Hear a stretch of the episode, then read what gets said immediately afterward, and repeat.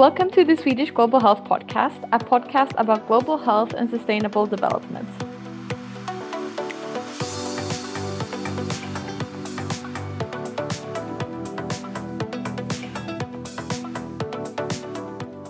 And especially welcome to this episode, which we decided to call Students in Global Health. Uh, it's a part of a, a series that we call Global Health 101. So, alarmingly, a study from 2015 showed that most Swedish medical students admitted that they had not had global health as part of their curriculum, and they confessed that they knew less about global health than they desired. Recently, multiple research studies have been published on the topic of global health education, and multiple student organizations have been very active in shaping these discussions on how global health education must be transformed.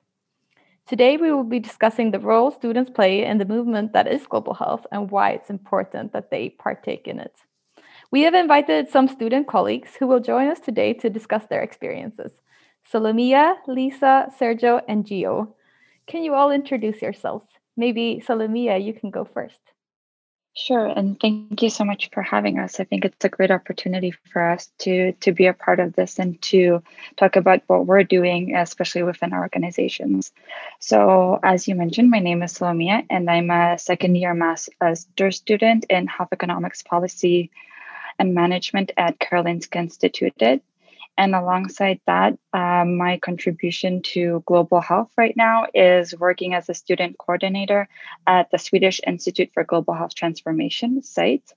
And the main purposes of SITE are to promote interdisciplinary approaches to global health, to strengthen and bridge Swedish research and education, and to provide a scientific basis for national and transnational policy work in global health.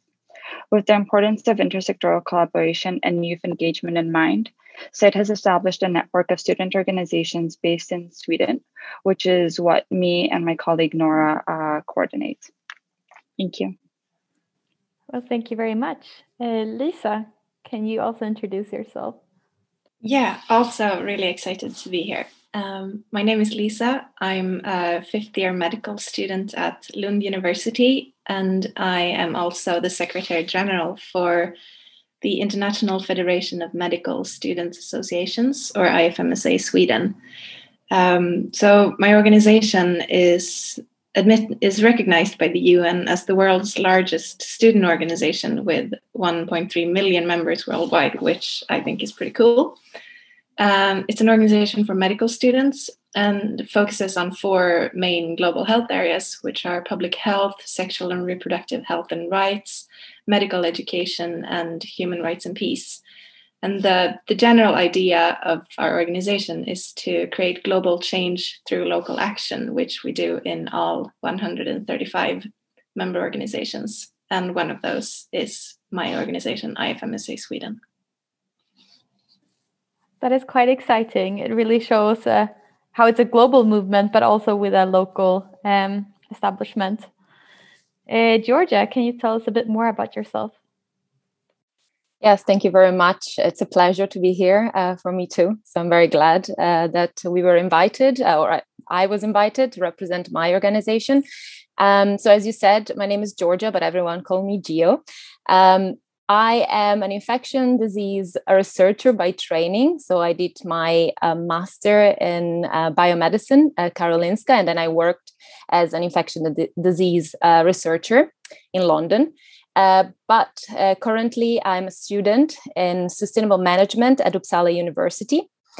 And I define myself as a system thinker uh, because I really think that people health it's it goes beyond the limits of health, uh, and we need to consider the entire system when we uh, talk about global health. And I am representing uh, the Swedish Organization for Global Health today. SOG is a Swedish non-profit and non-governmental organization uh, comprised of students and young professionals uh, who share a passion to contribute to global health through evidence-based actions and also we ask themselves uh, ourselves uh, uncomfortable questions like the role of western ngos and the colonial uh, global health um, establishment thank you very much that's really important and i hope we'll get a chance to speak a bit more about that later in the episode Uh, but first, uh, last but not least, I want to give you a chance as well, Sergio. Hello, uh, nice to meet you all, and thank you for having me as well. My name is Sergio Flores, and I am a, health economics student on my second year at Umeå University, and I'm the chairperson of the Swedish Network for International Health, or SNIH for short. I'm representing SNIH, and to introduce you to what it is, it's basically an independent network of students and alumni from master's degrees in public, international, or global health universities, uh, including uh, our organization are, for example, Karolinska, Gothenburg University, Lund, Umeå, Stockholm, Uppsala, and Lund University. And what we aim is to provide health, public health students with a platform in which they can connect and improve their academic and professional prospects while at the same time promoting global health as a sustainable development goal.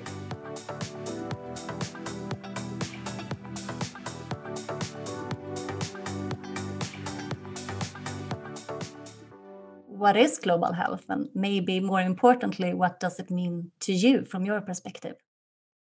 Gio, do you want to start maybe? Uh, sure. Uh, I have been thinking about it a lot actually um, especially in the last year year and a half i think it used to mean for me like a target um, to improve uh, life of people everywhere and then i started to see the limitations and to see the colonial foundation of global health and so I started to perceive global health more as a moving target uh, because there are always challenges that uh, we are facing, uh, uh, like as people that works in global health, but even people that works in other fields. Uh, they, they might think there's not related, but still everything is related. Um, and then i started to realize that for me actually global health it's a word that it's very limited. And i got more into the definition of planetary health uh, because i think uh, this idea that everything is connected. Um, so it's not just about the humans uh, it's about the planet and the other species and how those interacts. Um, so nowadays, I struggle a bit with the word of global health for the reason I explained, um, and I I think planetary health is more what I would like to see and um, to see more and and to to hear more from people that are working in uh, in this field. That's super interesting, and it's also it's touching about on something about global health uh, that I find very interesting, which is that it's uh, constantly evolving like uh, global health has been around for maybe 15 20 years something like that. Um, and uh, we don't really know what, what's around the corner maybe in 10 years from now. Um, you're talking about planetary health. Lisa do you have similar experiences when thinking about global health or do you do you have a different journey behind you? Um, I think my journey there is slightly different, but I'm sort of thinking along the same tracks. I started I started like you did, started thinking mostly about the health of human race or what you should say. And the foundation in that for me is just generally to respect everyone's equal human rights um, because everyone has the same right to health and happiness. So global health should, or at least in my head, by definition, it should be about respecting everyone's equal rights. But I think just in the past two years or so that I've been with my organization, we've started to talk more about climate change and the effect it has on human health. And that is not something that can be ignored. And it will be, it will just be more and more brought to light the, the longer it goes on. And it, it can't be ignored by medical professionals. So the whole concept of planetary health and involving everything else is really relevant i think because you can't you can't separate them from each other. Solomia, do you have anything to add that you feel that should also be part of what global health is? I, I actually think that uh, gio and lisa covered it really well and it's funny how we all come to it from a very different perspective. So I don't have a medical or biology biology, any type of sort of sciences background. I, I come from math and philosophy in my bachelor's. And then I uh, actually ended up working at the Ministry of Health. So I went from a perspective of my own personal health was the only sort of health that I was concerned with to then thinking about policy changes and uh, health outcomes and more government like how do we include financing that's going to allow for more access to care but not really thinking about it full picture. And i definitely agree with Gio and lisa and i think that's something that site has really opened up my eyes with this is really seeing the more global perspective. And i really love this term planetary health. I think it really highly outlines what is actually important because it's so much more than sort of this like me myself and my health. It's like health securities which we see with the pandemic.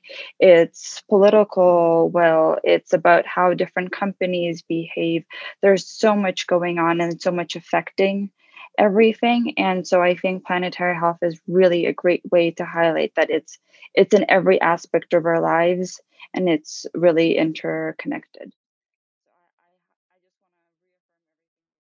And I would also maybe like to add that to me, uh, out of the technical definition of global health, the way I see it is like an arena where global politics, where global economics, where health and other things like that come together and they mix in a complex web of dynamic relationships. And our mission as academics or, or as public health officers is to try to disentangle these webs and organize them in a way that allows people all over the world to equitable access to healthcare.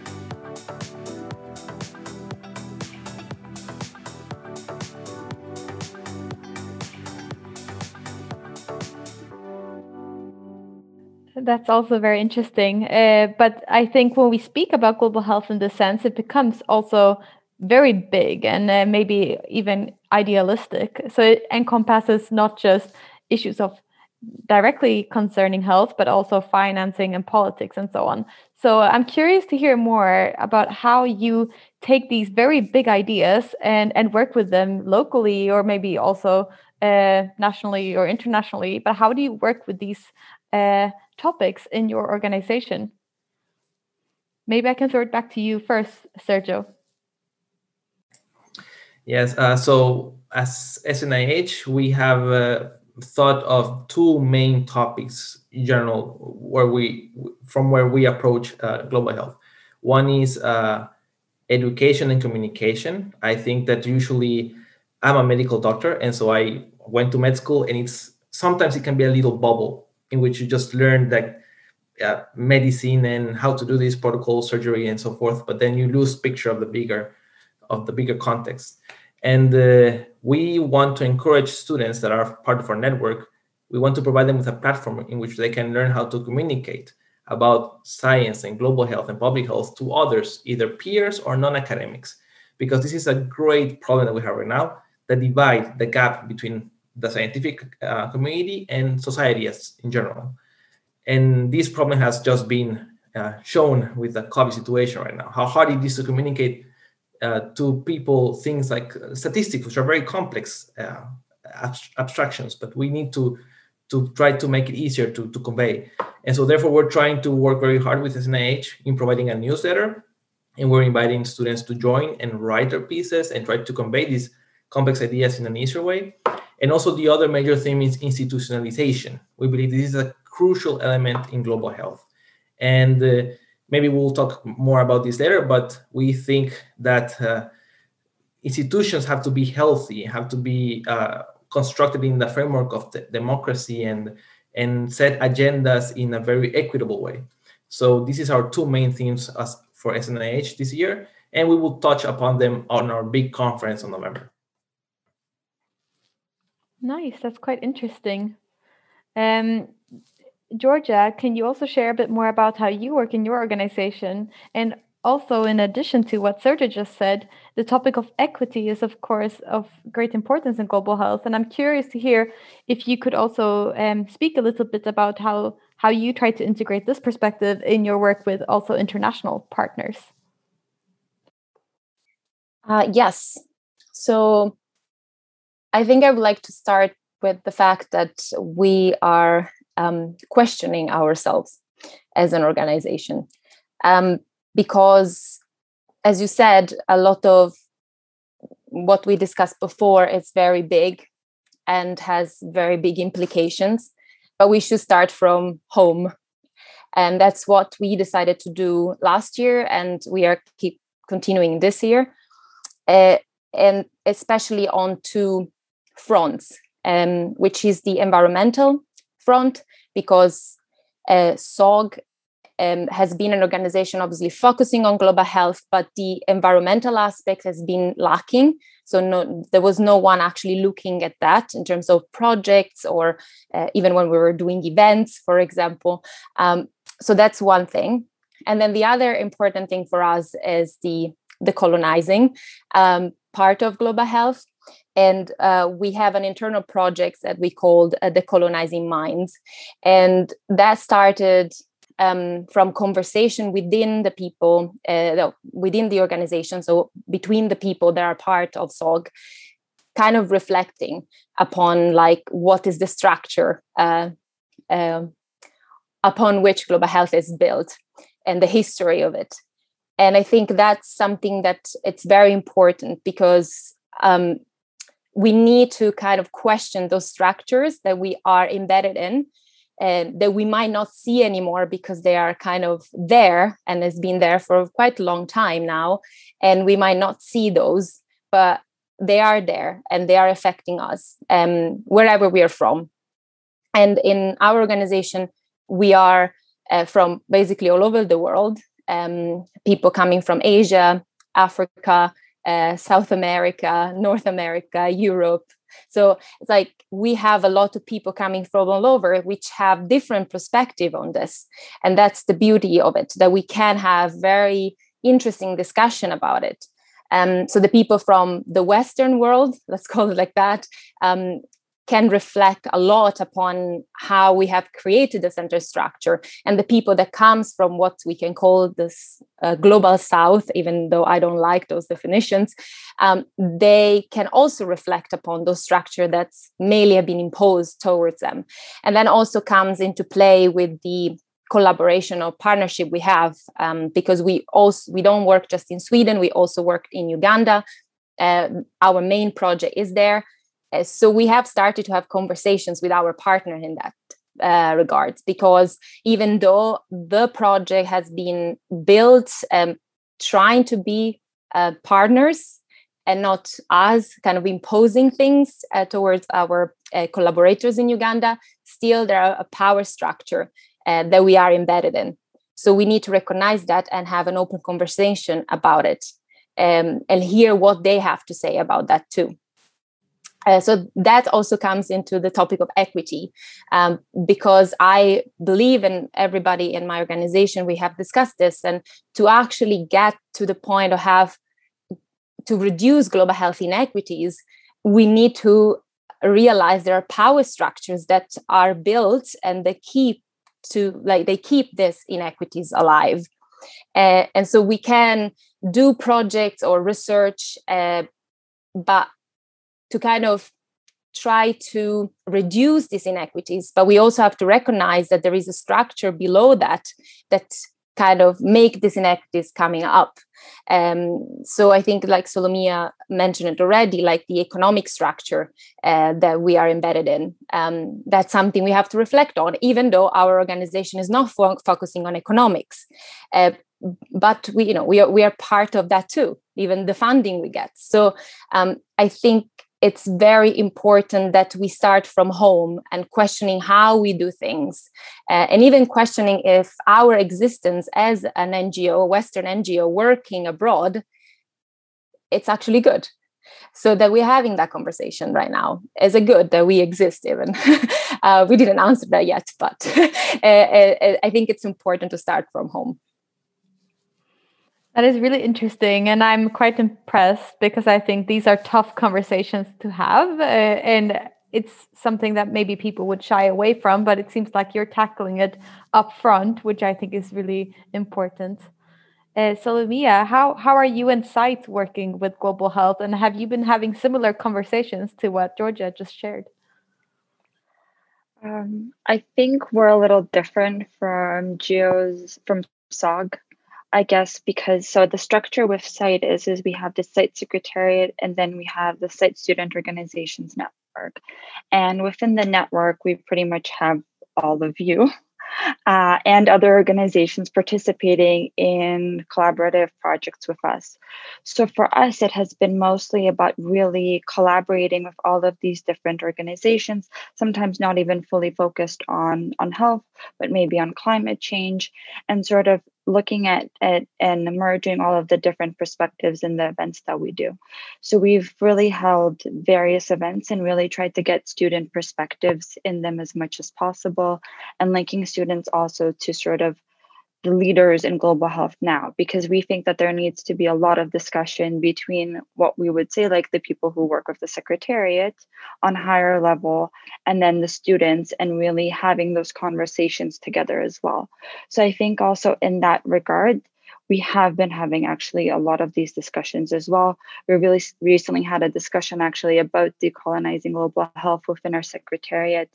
And this is obviously not something that changes within like one discussion, but it's something that we've now discussed that we want to have continuous discussions on and seminars just within their team to open up our eyes with what exactly that means to us and to the work that we're doing. So I think it's it's always there and then, additionally, with the topic, for example, of health inequalities, again, I don't think you can talk about global health if you're not considering inequalities.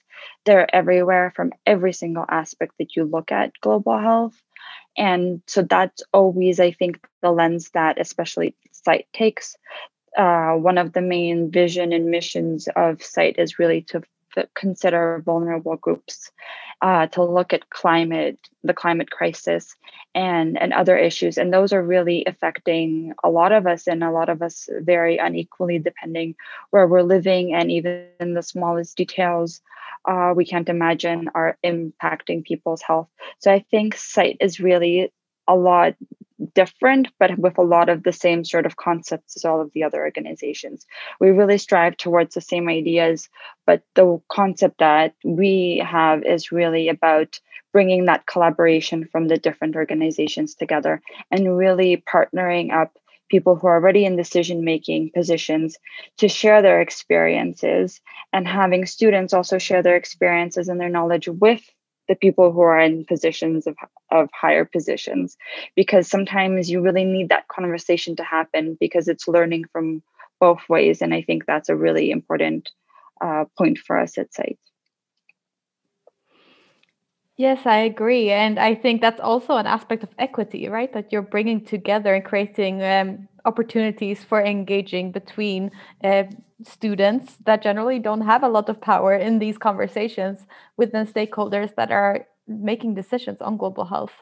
Um, and it's exciting want- to hear also uh, like the, that you're kind of going through similar processes, but as you're saying, change is not going to happen overnight.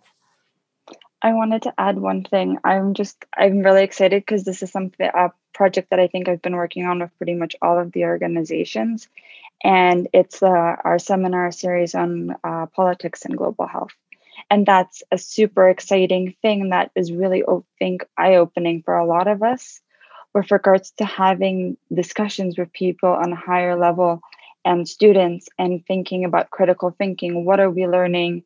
in terms of politics, but even wider aspects like decolonizing global health in our own education related to global health.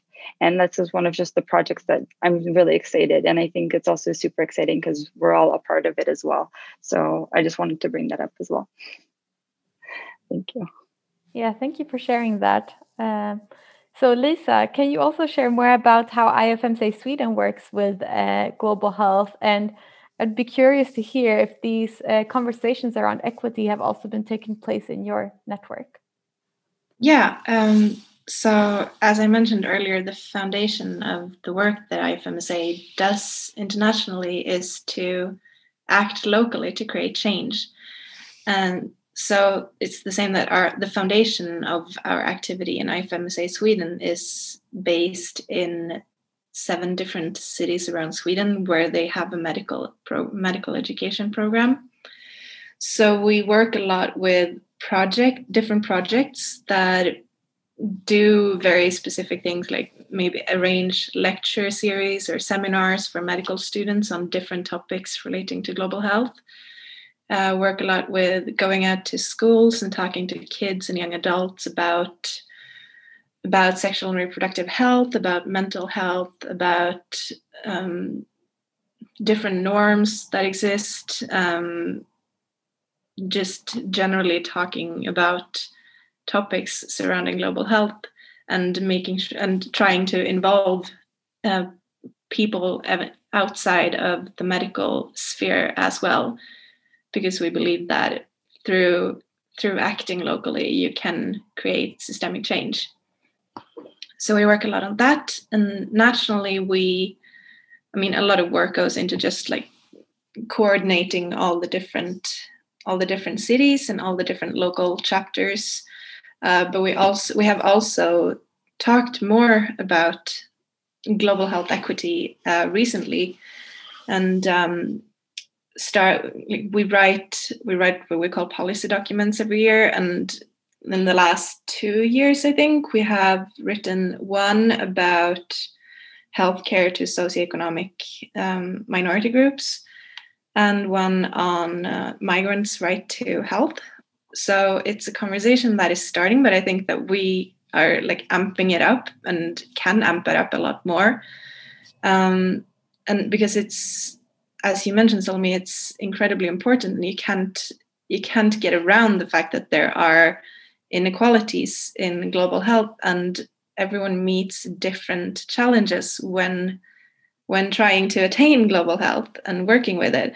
So it's important to to recognize and realize that there are differences that need to be faced and need to be addressed. Um, and I also want to circle back to something you mentioned, Gio, about um, about questioning whether it's actually good as a white Western NGO to go abroad to other countries that face other challenges. Because I think it's really easy to fall into the white savior complex. And um, that is always that is a difficult discussion to have and a difficult question to ask yourself when you when you work for something you truly believe in and you work because you want to make the world a better place and you want to make a difference and to then ask yourself whether your your work and your activity in this organization is actually benefit beneficial or not. And it's a difficult question to ask yourself but it's really important. And it's it, it got me thinking about a lecture we had in one of our national meetups a few years ago where the lecture was it wasn't full on but there were hints of a bit of white savior complex in the lecture. And in and our members actually realized that and pointed it out and were critical of it and thought that it this could have been better and at least i was really happy to see that afterwards because it it shows that this is actually a discussion that's being held not only nationally in the national board of our organization, but it's also a discussion that has come up in our different local chapters. And it's a discussion that's present throughout the entire organization. Um, and I um, like I, I started I read up a bit more on decolonized global health in advance of this podcast because I think it's well to me it's a fairly new topic and it's something that I think we've started touching on in an organization, but definitely one that we can amp up more as well. So it's really interesting to listen to the rest of you and to hear how you do it because I was in, I was completely enthralled by what I read and thought like why haven't I why haven't I seen this before because this is so incredibly important and it's so fundamental It is interesting uh, that all of you sort of touch on the decolonized health uh, movement. If, if, we are sort of the young global health movement, do you feel that the adults speak about this enough or do do you have any like advices or uh, ideas on how you could amp up that discussion i think i can speak partly i can speak as a medical student out in hospitals and it's so often that you meet prejudice in older more senior doctors that you can be quite shocked to hear so I, I'd say it depends on the kind of circle or the circumstance you're in. But there's definitely so much room for improvement. Um, and I think as long as more se- older or senior people are open to listening to students and their perspectives, it it's a it's a good start because even if even if young people often don't have the same the same number of years of experience or the same education we still have new perspectives and we come we come at these questions from a different angle a lot of the times.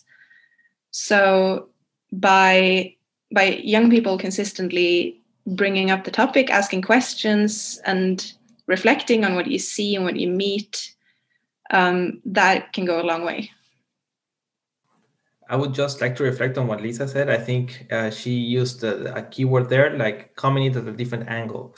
So, as students in Master in Public Health, Global Health, we have uh, studied to a certain extent about inequalities and inequity in the world and how this is affecting many different countries and many different regions and where does this stem from partially. But then maybe we hadn't seen it from the other angle, which is yes, we know there's inequity, there's inequality, but where does it come from and what's the structural base of it? And then the concept of decolonizing global health brings these topics to the discussion and to the to the to the main stage, so to speak. And yes, this is something that maybe uh, previous generations had not reflected on as an important origin of these inequities and, and inequalities. So yes, I think that younger generations being bold, like Jill was mentioning about questioning their own uh, self and where are we standing right now and what's our purpose and is this good or bad? This is something that younger generations are making uh, are, are, doing more more often and with less uh, shame, quote unquote, so to speak, than older generations are. And so this is an important thing that younger generations are bringing to the discussion table.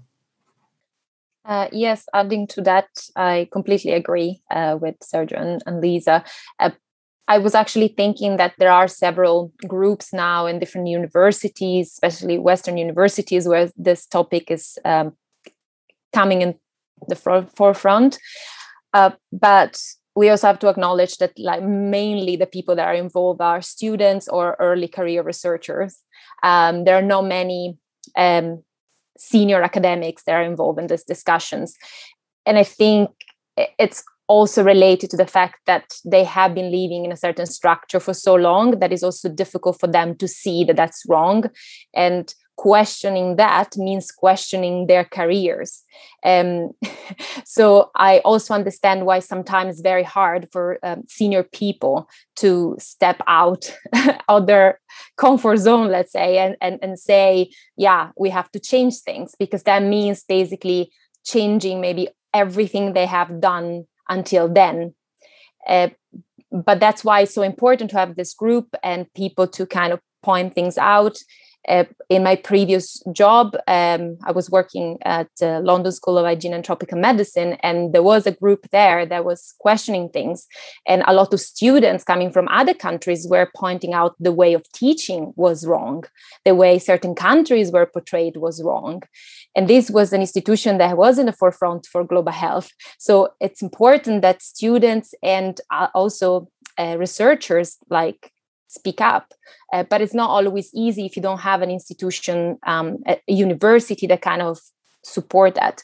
Uh, so I think for some institution or some countries, it's a bit easier to be also for younger people to brings up this up because they find the space for it.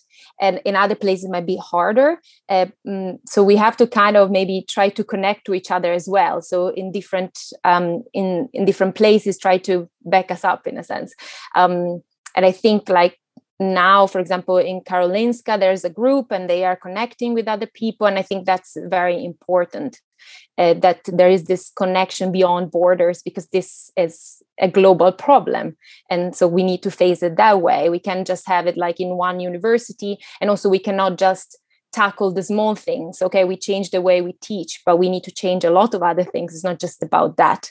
So um, I think the conversation is an ongoing conversation. This will never end. That's what I think. It's not like about, okay, this is the goal. When we reach it, then we are done. It's something that we have to constantly talk about because it's very easy to to kind of come back on the old track in a sense. Um, yeah.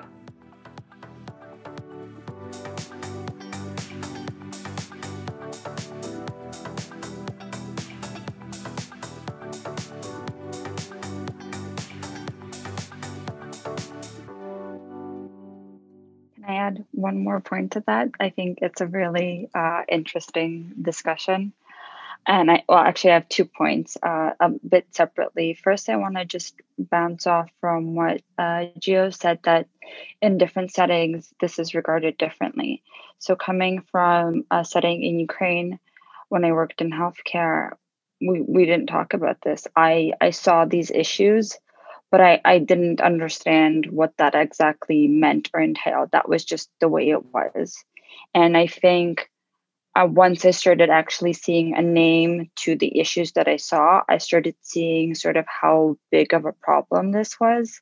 And it's really eye opening. And it, it, I really hope that the conversation can continue on a larger scale and be voiced out even more it's it's really great that like these these small organizations are doing what they're doing as Gio said but it really needs to be brought up so that people on higher levels really understand that this is a problem and it needs to be changed and this is needs to be systemic change and critical thinking. And then just going back to i think what both lisa and sergio said um, and this is also with that student perspective and i think with SIGHT sort of what nora who who's my colleague uh, student and she's actually leading dgh uh, at ki uh, she's really been trying to actively bring this topic into our discussions with SIGHT with the secretariat. And so we actually have a chance to talk to the secretariat who are mostly older uh, about these issues and they are very open to it but i think that the thing what we all need to realize is that this requires continuous critical reflexivity. It's not just going to happen overnight. Like our changes, our beliefs change, and we understand everything and we can criticize everything that we do. It's not going to happen like that.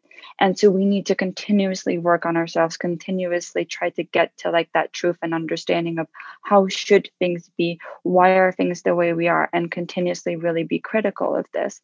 And so I think it may be easier for students because we know we don't know anything yet to criticize ourselves constantly while it is obviously harder when you have years of experience behind you to like criticize every single thing that you do. So it's sort of inherent that it's going to be easier for us and it's going to be our responsibility to continue these conversations with them to sort of make it less sort of scary to talk about this and sort of more like a, a normal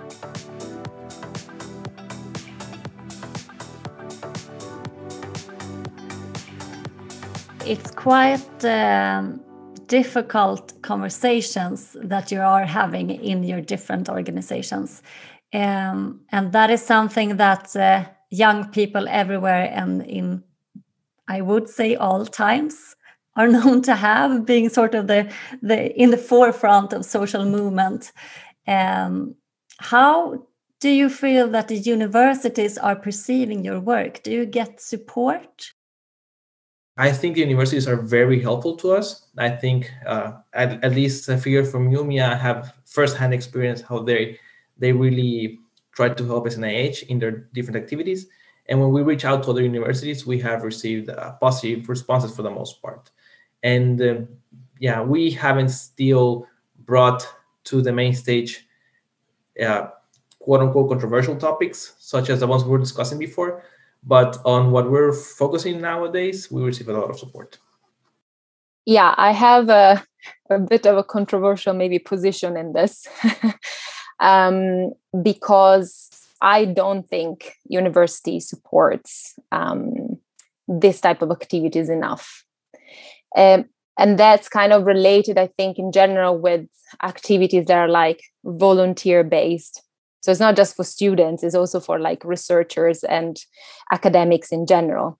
And if you're doing a type of volunteer work, um, which is what we are doing, or at least most of us um, for these organizations, that kind of time is not um, valued as it should be. And I don't think there is promotion uh, for students to get engaged in these things. Um, at the university level. You might have professors, for example, that really encourage you to uh, get into uh, these more like active roles.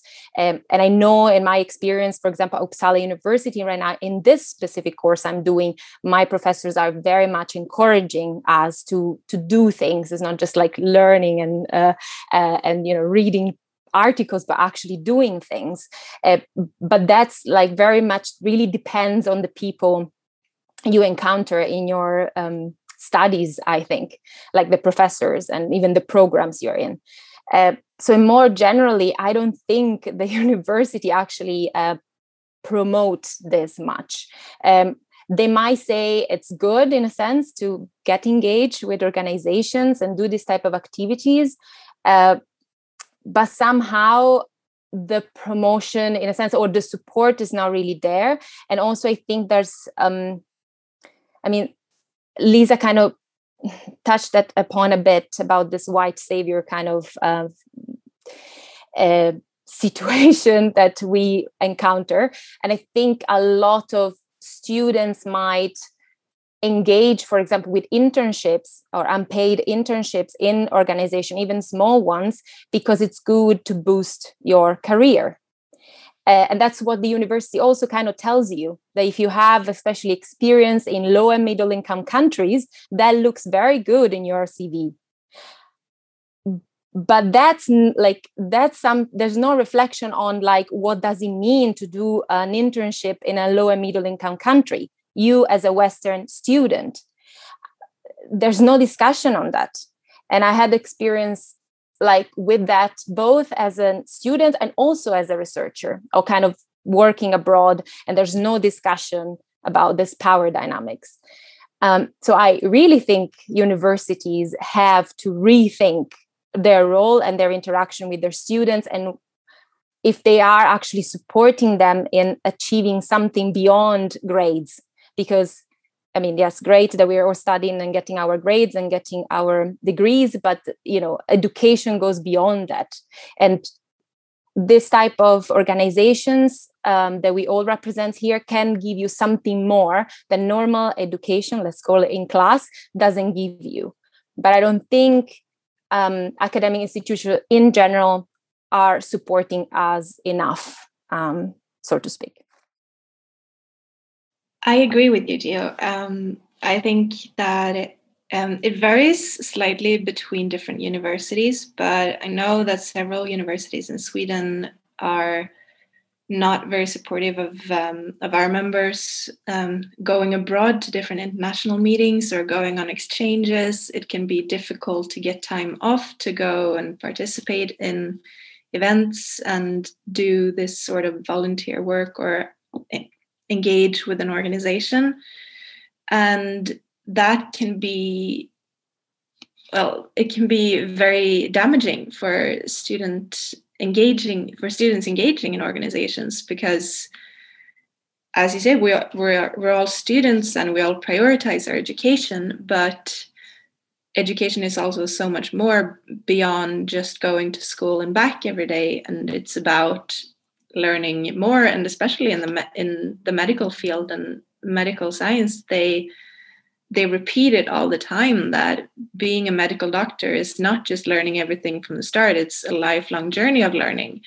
And so to be able to participate in in organizations and events that spike your interest and that you feel that like you want to do it if universities don't cooperate with students to become so it can be easier to do that that can be very damaging i can maybe then uh, finish off this discussion a bit.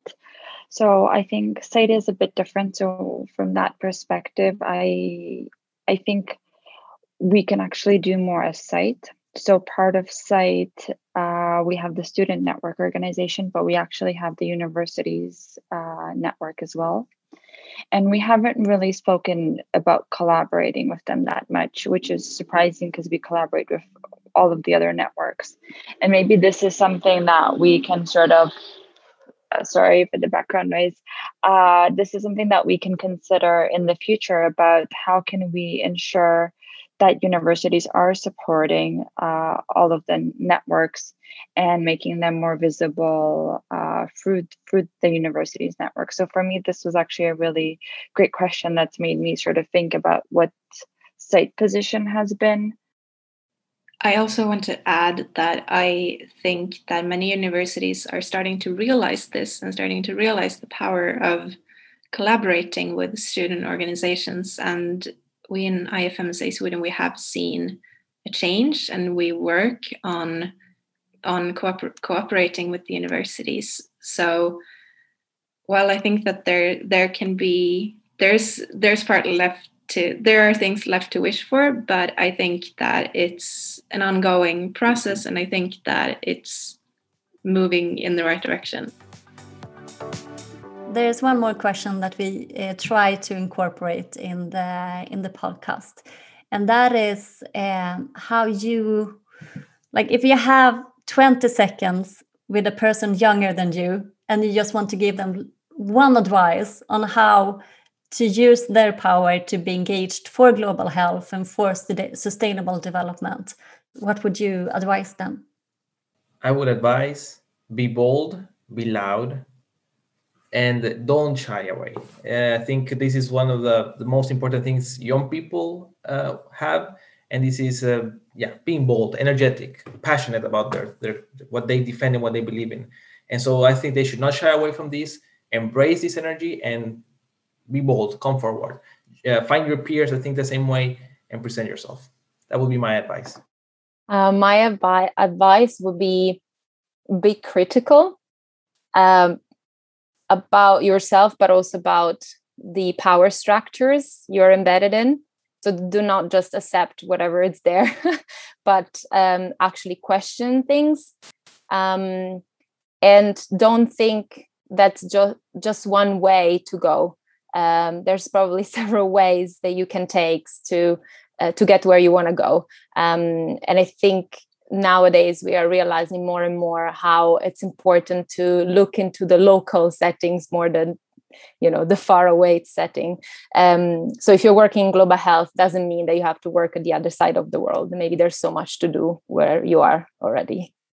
Uh, i would say to talk about it and to not to talk to lift the conversation and and, and get and address the topic with people you meet um, if you see things that spark that spark your interest or that make that make you take a second look just talk about it because as students in global health and we have i think students have a very valuable perspective. Like we mentioned before students often come at it at a different angle and that is really important since the as we talked about earlier it's an ongoing discussion, an ongoing topic, and this will never be finished.